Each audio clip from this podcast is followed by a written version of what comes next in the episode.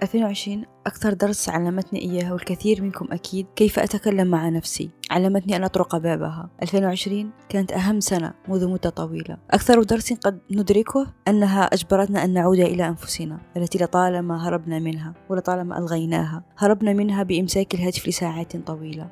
2020 كأنها جاءت لتخبرنا بأن هناك شخص علينا التعرف عليه. جاءت لتخبرنا بأن كل شخص هو أعظم شخص يجدر بنا الذهاب إليه. 2020 جاءت لتقول كفى من النسخ الموجودة. جاءت لتقول تفردوا لكل جوهرة داخله جوهرة مختبئة لم نكتشفها بعد. تفردنا هو أعظم شيء في الوجود هو نجاحنا. تفردنا بأفكارنا وأعمالنا ووجهات نظرنا هو ما يغني هذه البشرية. تفردنا هو ما يجعل هذه الأرض تعمر. كفى لأن نكون نسخة أخرى من أفكار ليست لنا ومن اقتناعات لم نفكر قبل كيف ترسخت في عقولنا. 2020 جاءت لتقول لكل واحد ما هي أخطاؤك. هل تعرف أخطائك؟ وكيف لنا أن نتطور ونرتقي إن لم نتعرف على أخطائنا؟ 2020 جئت لتقول ما هو نوع الحياة الذي تريد أن تعيشه ولكنك ألغيته دائما لأنك كنت خائف مما سيقوله الآخرون خائف من صورتك في نظرهم 2020 جئت لتقول لا أحد مهم غيرك فقط كن لله كما يريد يكون لك أكثر مما تريد. 2020 جاءت لتخبرنا بأن الحقيقة الوحيدة هي الموت فهل نحن مستعدون إذا طرقت أبوابنا. هل هناك ما سنندم على عدم فعله إذا وصلت تلك اللحظة؟ 2020 جاءت لتقول هل أنت أنت؟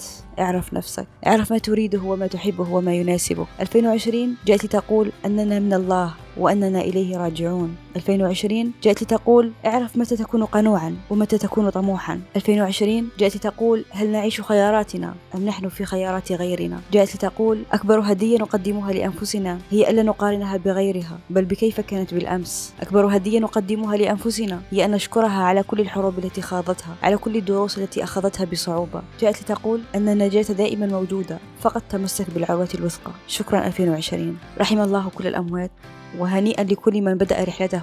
رحلة نحو داخله رحلة نحو الحقيقة. Thank you 2020